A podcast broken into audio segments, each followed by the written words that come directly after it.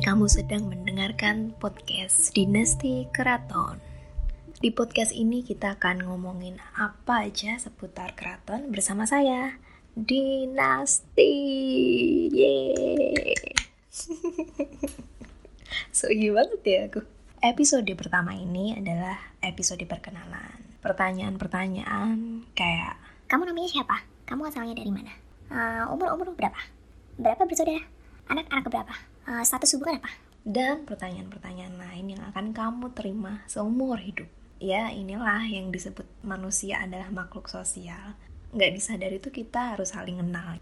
Podcast ini sebenarnya dibuat untuk ngebantu diriku sendiri menjawab beberapa pertanyaan pertanyaan tadi deh. Jadi pertanyaan yang sering aku dapati, misal nih kalau Reza Rahardian nanya ke aku, Dinasti dari mana? aku tuh bisa jawab Reza kalau mau tahu beneran nih dengerin aja podcast aku. Jadi sekalian promo gitu. Jadi sebenarnya kebetulan ada gelar kebangsawanan di namaku. Gelar ini tuh nempel nggak bisa dipisahkan. Dulu tuh waktu masih sekolah kadang terbersit rasa ingin menyembunyikan gelar ini supaya nggak jadi perhatian teman-teman. Nah sampai sekarang nih kadang juga suka risih kalau ada yang bilang Itu dinasti keturunan keraton tuh. Itu dinasti putri keraton. itu dinasti sing duwe keraton dah lah sing duwe keraton cuy. Salah kaprah. Kulo sana sing duwe keraton ya pertanyaan pertama. Kamu putri raja ya, Din? bukan. Bukan teman-teman. Aku bukan putri raja. Jadi aku tuh cuma bergelar RA singkatan dari Raden Ajeng. Jadi Raden Ajeng ini bukan putri raja memang merupakan salah satu dari keturunan raja tapi bukan putri raja ini kalau putri raja beneran denger aduh isin pertanyaan kedua Kamu dari kerajaan mana, Din? Aku dari kerajaan atau keraton Kasunanan Surakarta Hadiningrat di kota Solo. Kota Solo. Solo ya yang bener tuh penyebutannya. Keraton Kasunanan Surakarta Hadiningrat ini adalah salah satu penerus kerajaan Mataram Islam. Udah pada tahu kan kalau dulu tuh kita terdiri dari banyak mungkin ratusan kerajaan yang menyerahkan wilayah kekuasaan kerajaannya supaya bersatu jadi satu jadi suatu negara yang sekarang dinamakan Indonesia. Nah, Keraton Kasunanan Surakarta Hadiningrat ini adalah salah satunya yang masih berdiri. Kalau kalian pengen tahu nih kegiatan-kegiatan keraton di Indonesia, jadi mereka tuh bergabung jadi satu. Kalian bisa meluncur ke websitenya www.keratonusantara.com ini semacam media informasi kalau mereka menyebutnya perpustakaan digital raksasa yang tugasnya tuh menggali, mendokumentasikan, terus mempublikasikan warisan sejarah dan budaya kerajaan di seluruh dunia, tapi khususnya di Indonesia ini. Pertanyaan ketiga, Kamu Raden Ayu apa Raden Ajeng, Din? kalau di kerajaanku Raden Ayu tuh update-nya gelar Raden Ajeng kalau sudah menikah. Jadi besok kalau aku udah nikah gelarnya ganti Raden Ayu. Pertanyaan keempat, Kok kamu bisa dapat gelar, Din? karena momoku, momo itu bapak. Jadi dulu waktu kecil nggak bisa bilang R atau Romo ya, aku nyebutnya momo. Momo sama ibu itu juga keturunan raja. Momo gelarnya Raden Mas dan ibu gelarnya Raden Ayu. Lah kok bisa sama? Iya, jadi gelar RA sama RM itu ada pada beberapa tingkatan keturunan. Setiap kerajaan punya tingkatan keturunan yang berbeda-beda. Tapi khusus untuk Mataram Islam nih hampir sama semuanya. Keturunan pertama raja adalah anak raja bergelar Gusti. Contoh gelarnya Gusti Kanjeng Ratu, Gusti Pangeran, Gusti Raden Mas, Gusti Raden Ayu, dan masih banyak lagi. Keturunan kedua adalah cucu raja bergelar Bendoro. Contoh gelarnya Bendoro Raden Ajeng, Bendoro Raden Mas, Bendoro Raden Ayu, dan lain sebagainya. Keturunan ketiga adalah buyut raja atau anak cucunya raja. Anaknya Bendoro. Bergelar Raden Mas, Raden Ajeng, Raden Ayu. Nah, di sini nih mulai gelar Raden tingkatan pertama. Ini juga adalah posisi Momo. Jadi Momo adalah buyut raja. Keturunan keempat adalah Cangga. Cangga itu anaknya buyut raja ya. Nah gelarnya sama yaitu Raden Mas, Raden Ayu, Raden Ajeng. Nah ini posisi ibu aku dan posisi aku. Jadi kami sama-sama canggah raja. Turunan kelima adalah Wareng. Wareng itu anaknya canggah bergelar sama Raden Ajeng, Raden Mas, Raden Ayu. Ini adalah gelar anakku besok. Terus keturunan ke-6, Udek-udek. Aneh ya namanya. Kayak nama hewan. Uket, uket. Jadi UDHEK itu anaknya Wareng tadi. Gelarnya Raden aja tanpa Mas, Ajeng, dan Ayu. Jadi gelar depannya cuma R. Keturunan ketujuh namanya Gantung Siwur. Jadi Gantung Siwur itu anaknya udek-udek tadi. Gelarnya Mas Ayu, Mas Ajeng. Keturunan selanjutnya panjang. Main-mainlah ke perpustakaan kerajaan. Pertanyaan kelima. Gimana tinggal di keraton, Din? Apa kayak di film-film kerajaan Korea gitu? Princess Hours or The King Eternal Monarch or The Moon Embracing the Sun? Apakah sama? Sayang sekali kalian salah bertanya. Karena aku nggak pernah tinggal di dalam keraton. Aku nggak tahu rasanya gimana tinggal di sana. Tapi aku bisa sih kasih sedikit bayangan gimana sih tinggal di keraton. Karena waktu kecil beberapa kali main ke keraton nemenin ibu atau eyang. Jadi aku tinggal di lingkungan keraton. Keraton Kasunanan Surakarta itu terletak di Kelurahan Baluarti, Kecamatan Pasar Kliwon, Kota Surakarta, provinsinya Jawa Tengah. Baluarti secara bahasa diambil dari bahasa Portugis Baluarte yang artinya benteng. Jadi Baluarti adalah benteng keraton Kasunanan Surakarta Hadiningrat. Jadi Baluarti ini wilayahnya tertutup dengan wilayah lain dibatasi dengan tembok yang tingginya 6 meter melingkari wilayah Baluarti ini. Baluarti punya empat pintu gerbang di bagian utara, timur, barat, dan selatan. Selain itu punya semacam pintu kecil tembus keluar wilayah Baluarti. Ini ada dua pintu pintu ini nggak ada daun pintunya ya jadi kayak jeblusan gitu. Kami sebutnya butulan. Lebar pintu butulan tuh ya sekitar 50 sampai 60 cm tingginya satu setengah meter. Lah ini di daerah barat sama selatan hidup di dalam benteng keraton tuh Hmm, sangat menyenangkan.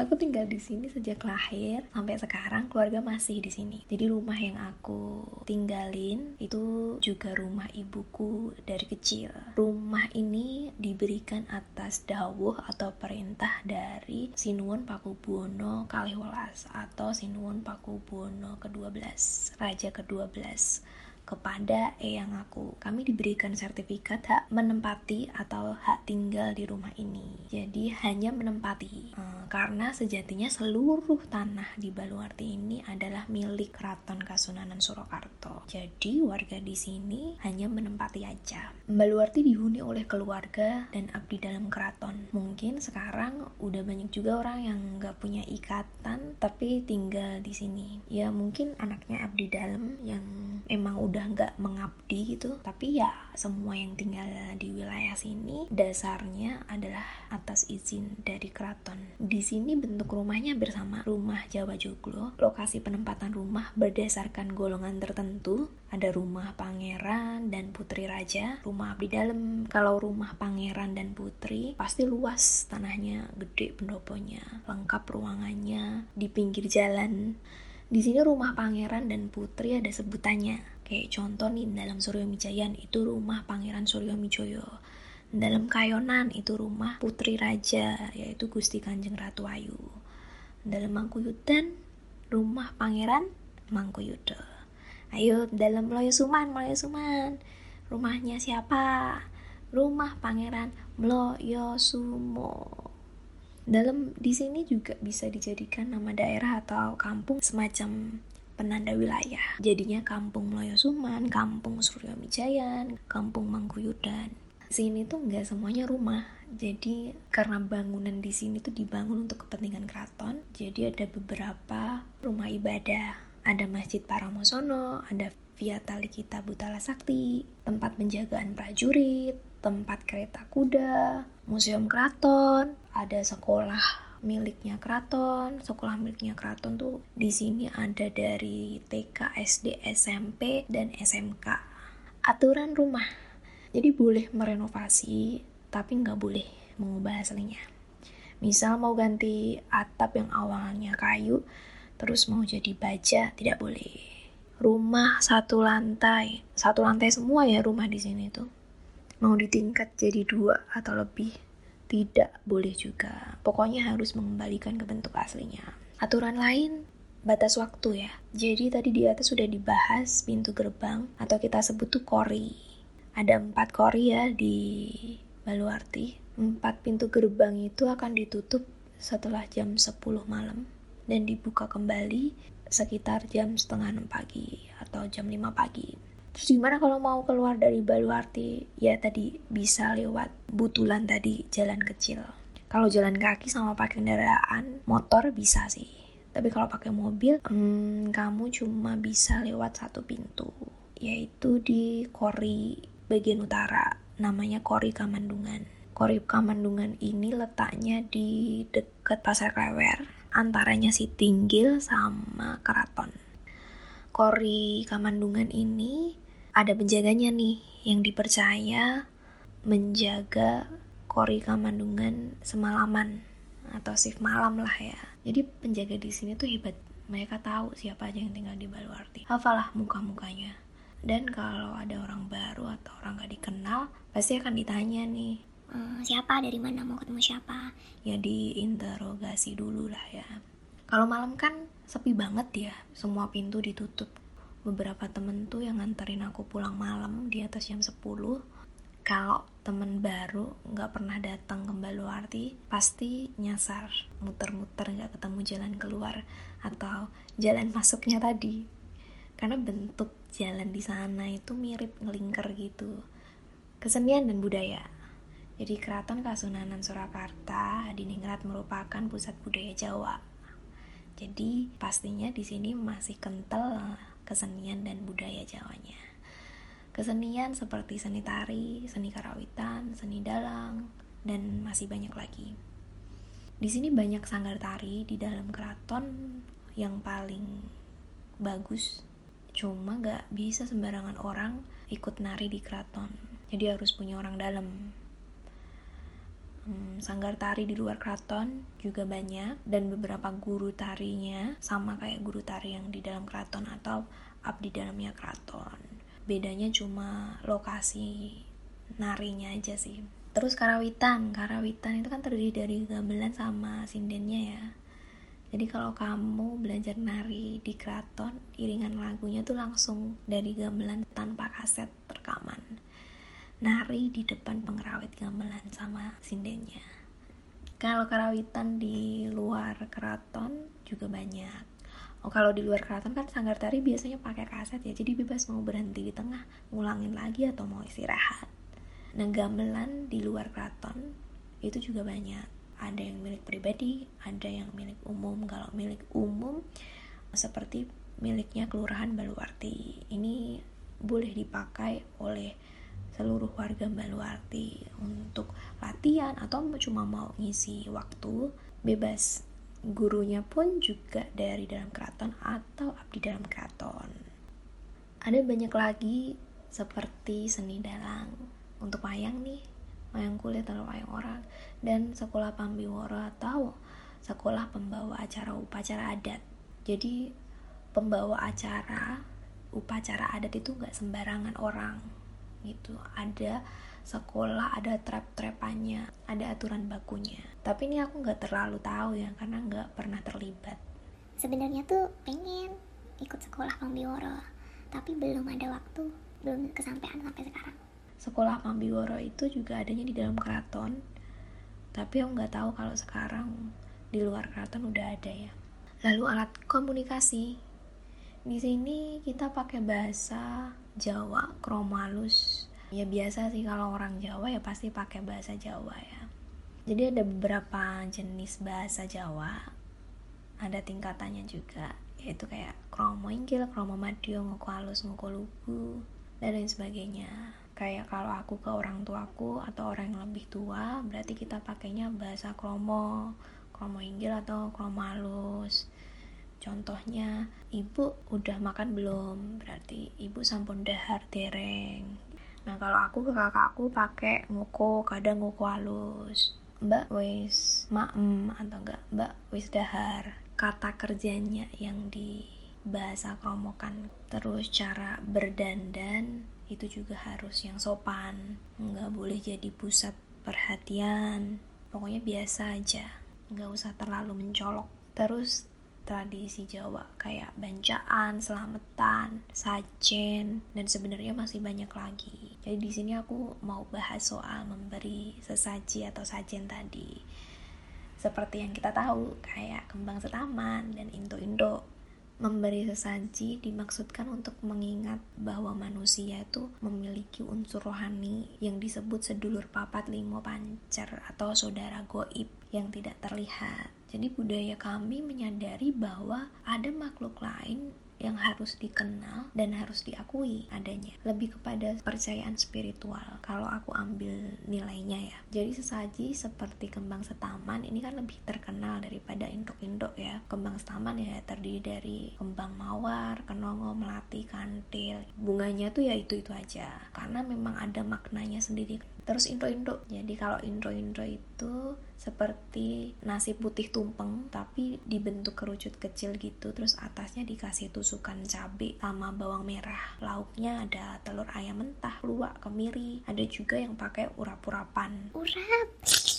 Ditaruh pas malam hari kelahiran Jawa seseorang atau pasaran Jawa. Kayak aku nih lahir Rabu Wage. Jadi tiap malam Rabu Wage dibuatin indo-indo. Ditaruhnya di bawah tempat tidur atau di meja belajar. Mungkin episode lain aku bahas dulu Papa Timo Pancer nih ya beserta cerita horornya. Terus tradisi minum jamu dan menggunakan bahan tradisional untuk kecantikan. Jamu-jamu, monggo jamu pun mas. Wonton beras kencur, kunir asam, gula asam, pahitan. Itu tuh biasanya tukang jamu gendong kan kayak gitu, supaya menarik pelanggan. Jadi aku masih sering minum jamu. Kalau di Solo lebih sering beli. Kalau di sini sekarang jauh kan dari Solo lebih sering bikin sendiri kalau di Baluarti ini ada industri rumahan pembuat jamu turun temurun sampai generasi sekarang namanya Putri Solo ini asli tanpa pengawet. Terus tradisi luluran menggunakan bahan tradisional ya untuk kecantikan. Jadi aku sama keluargaku, ibuku, kakak-kakakku minimal seminggu sekali selalu luluran. Kalau dulu aku pakai lulur dari bude. Nah, jadi bude bikin untuk kalangan sendiri. Tapi sekarang aku pakai lulurnya Mustika Ratu. Jadi kan luluran itu baik loh. Itu bisa mengangkat sel kulit mati dan menumbuhkan rasa percaya diri, berasa cantik gitu. Terus tradisi menggunakan masker wajah tradisional juga. Jadi aku nggak pakai nih masker modern. Masker modern tuh yang udah bentuk wajah terus kamu tinggal tempel aja gitu ditunggu sampai kering. Aku pakai masker yang masih dikasih air terus dioles ke wajah sambil dipijit-pijit. Terus kalau kering habis itu baru dibilas terus seminggu sekali. Jadi masker ini kan sangat bermanfaat ya untuk kita mengencangkan kulit wajah membersihkan kotoran-kotoran di wajah. Tradisi merawat rambut. Rambut adalah mahkota wanita jadi harus dijaga. Aku menggunakan bahan alami ya. Bahan alami itu ya kayak lidah buaya, tonik dari debok pisang, minyak kemiri dan lain sebagainya. Nah, kalau aku yang sekarang nih masih dipakai itu sebenarnya cuma tonik rambut. Tonik rambut itu pun aku juga pesennya di Bude yang bikin lulur tadi. Gunanya untuk menyuburkan rambut karena sekarang rambutnya banyak banget yang. Jadi itu tadi jawaban dari pertanyaan-pertanyaan yang sering aku terima. Kalau kalian ada pertanyaan lain atau kalian mau komentar atau mau kasih saran, silahkan kalian kirimkan ke email dinastikeraton@gmail.com. Terima kasih telah mendengarkan. Tetap di rumah dan jaga jarak. Ikuti aturan pemerintah ya.